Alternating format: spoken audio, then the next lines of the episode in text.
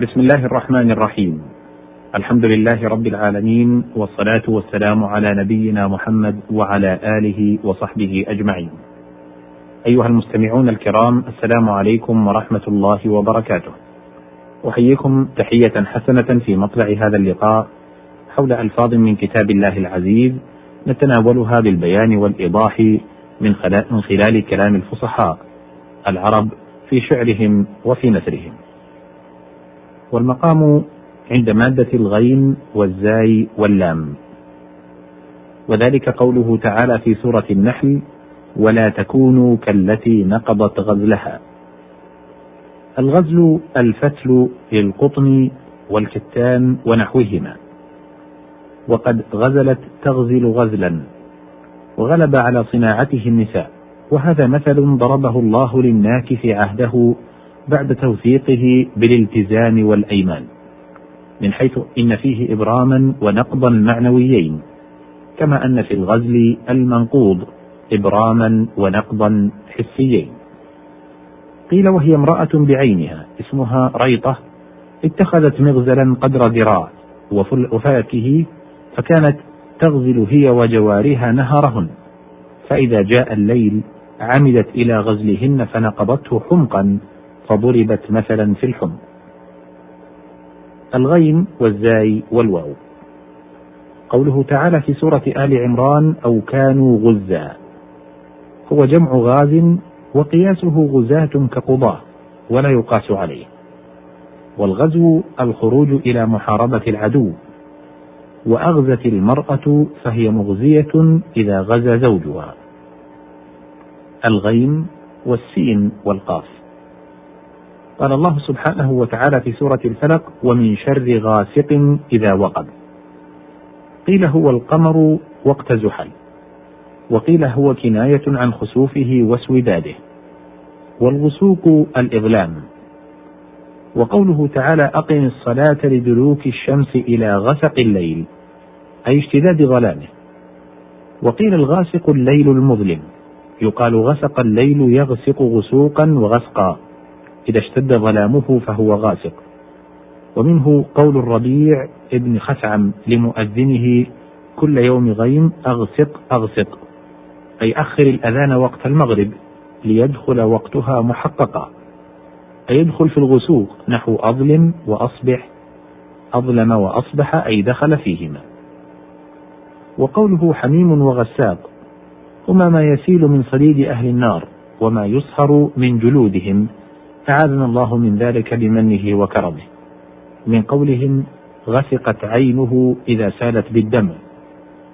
وقيل هو دموعهم التي تخرج من عيونهم لكثرة بكائهم. الغين والسين واللام. قال الله سبحانه وتعالى في سورة الحاقة ولا طعام إلا من غسلين. هو فعلين من الغسل. وهو ما ينغسل من أبدان أهل النار وما يسيل من صديدهم وهو غسالة أبدان الكفرة. والغسل والغسل مصدر غسل الشيء يغسله إذا أسال عليه الماء فأزال درنه. وقيل الغسل بالفتح المصدر وبالضم الاسم وبالكسر ما يغتسل به. والمغتسل يكون مصدرا لاغتسل. ولزمانه ومكانه واسم مفعوله. الغين والشين والياء. قال الله تعالى في سورة الغاشية هل أتاك حديث الغاشية؟ كناية عن القيامة لأنها تغشى الناس أي تحيط بهم وتشملهم فلا يفلت منها أحد منهم.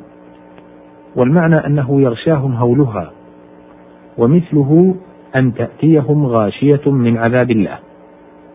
والتغشية الستر والتغطية ويستعار ذلك لعمى البصيرة ومنه قوله تعالى وعلى أبصارهم غشاوة ليس المراد أنه أعمى أبصارهم بل المراد قلوبه قلوبهم ومثله وجعل على بصره غشاوة وقوله واستغشوا ثيابهم أي تغطوا بها حتى لا يروا بأعينهم الداعي ولا يصغوا إلى كلامه.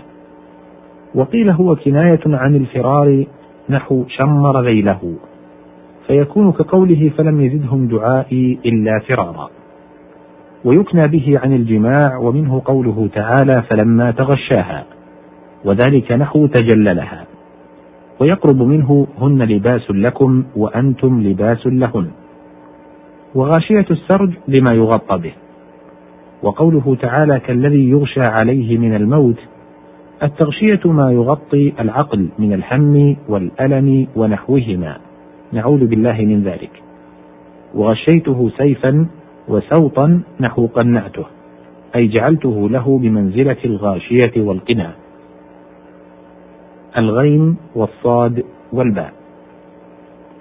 الغصب أخذ مال غيرك والاستيلاء عليه قهرا. قال تعالى في سورة الكهف يأخذ كل سفينة غصبا. وتغصبت الشيء أخذته وقبلته بكرة.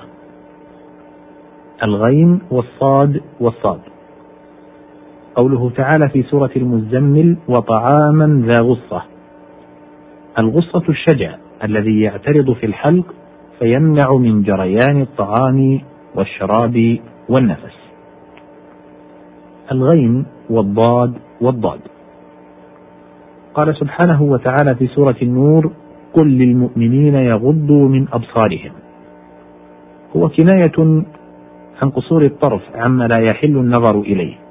يقال غض بصره ولسانه أي قلل من فعلهما وهو مد الصوت ورفعه. وأصل الغض النقصان. وفي الحديث أن يغضوا من الثلث أي ينقصوا منه. وغضبت السقاء نقصت ما فيه. ومنه الفاكهة الغضة هي الطرية لقلة مكثها. وقوله تعالى واغضض من صوتك أي اخفضه الغين والطاء والشين.